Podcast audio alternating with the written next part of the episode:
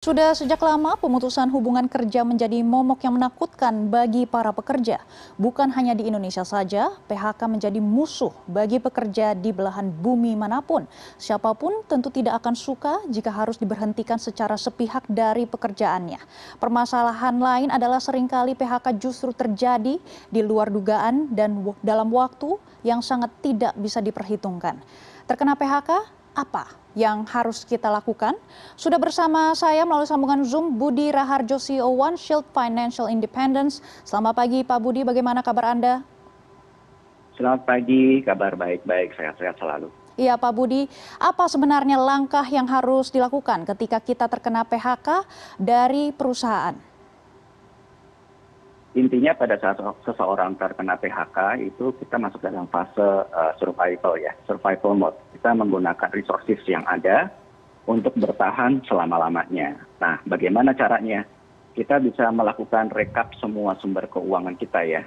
Baik itu mulai dari tabungan dana darurat yang kita miliki ya. Nah ini adalah saatnya kita menggunakan tabungan dana darurat kita.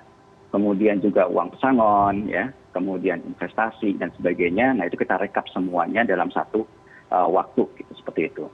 Kemudian kita kelompokkan dalam beberapa jenis aset tadi semua sumber-sumber keuangan tersebut baik itu tabungan uang pesangon dan sebagainya kita masukkan ke dalam uh, apa namanya dalam dalam beberapa jenis aset. Misalnya aset liquidnya yang mana kemudian yang non liquidnya juga yang seperti apa. Aset liquid ini kita gunakan terlebih dahulu dibandingkan dengan yang non liquid non liquid seperti misalnya kayak aset-aset kendaraan dan sebagainya ya itu kita akan gunakan terakhir. Apa sih fungsinya kita melakukan rekap ini semua? Agar kita mengetahui kekuatan keuangan kita. Berapa lama sih kita bisa bertahan ya uh, keuangan kita ini?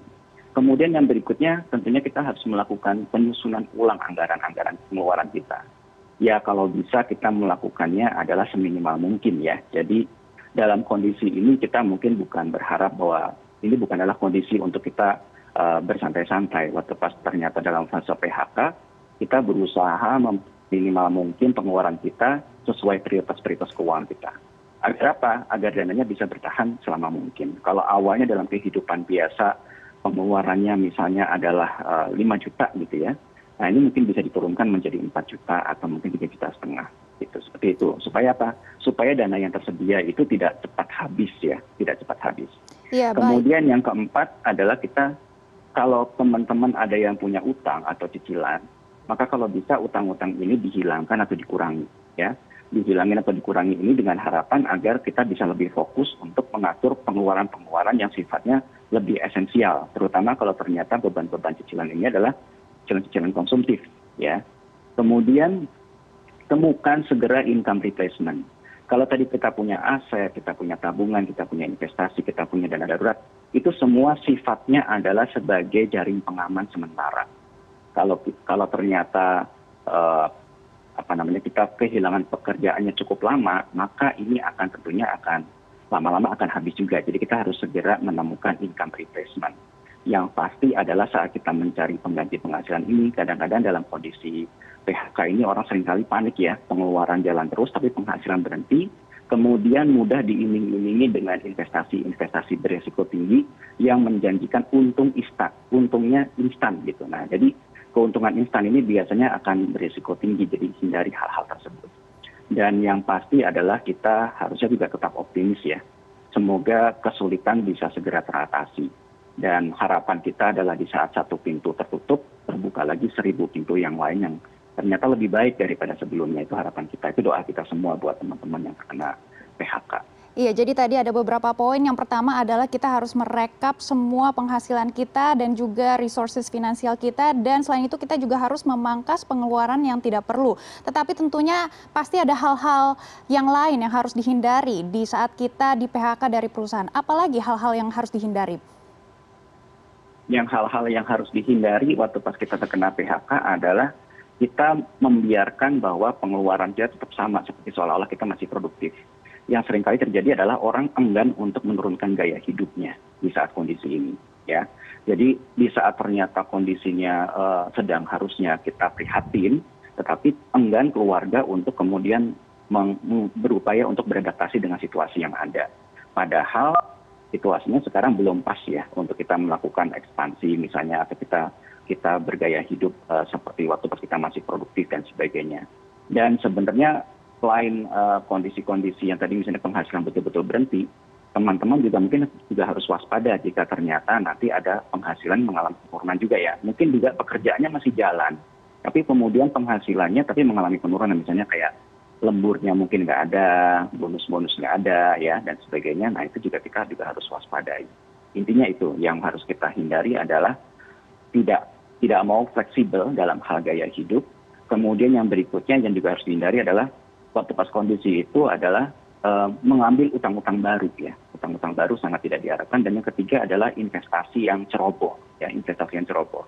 Jadi uh, tiba-tiba meletakkan misalnya ingin memulai berbisnis mencari income replacement dengan berbisnis tidak terukur ya membuat suatu ekspektasi usaha yang terlalu tinggi harapannya usaha itu tersebut langsung bisa menggantikan penghasilan yang sebelumnya. Padahal ada waktu untuk uh, apa namanya untuk agar usaha itu bisa berkembang. Contoh misalnya beberapa waktu yang lalu ya kita punya suatu kondisi ya uh, ada ada orang yang cerita kepada kami, kami gitu bahwa semua uangnya itu diletakkan sebagai stok barang.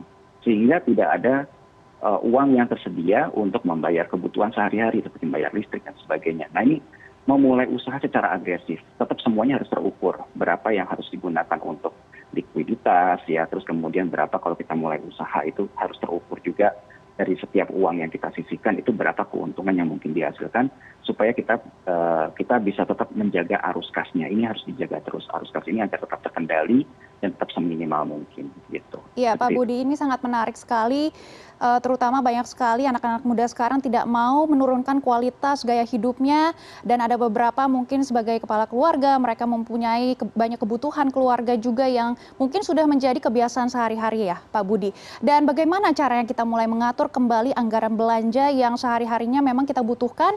Mungkin Anda bisa uh, di breakdown sedikit bagaimana caranya kita uh, uh, planning begitu ya anggaran setiap harinya seperti apa Pak Budi?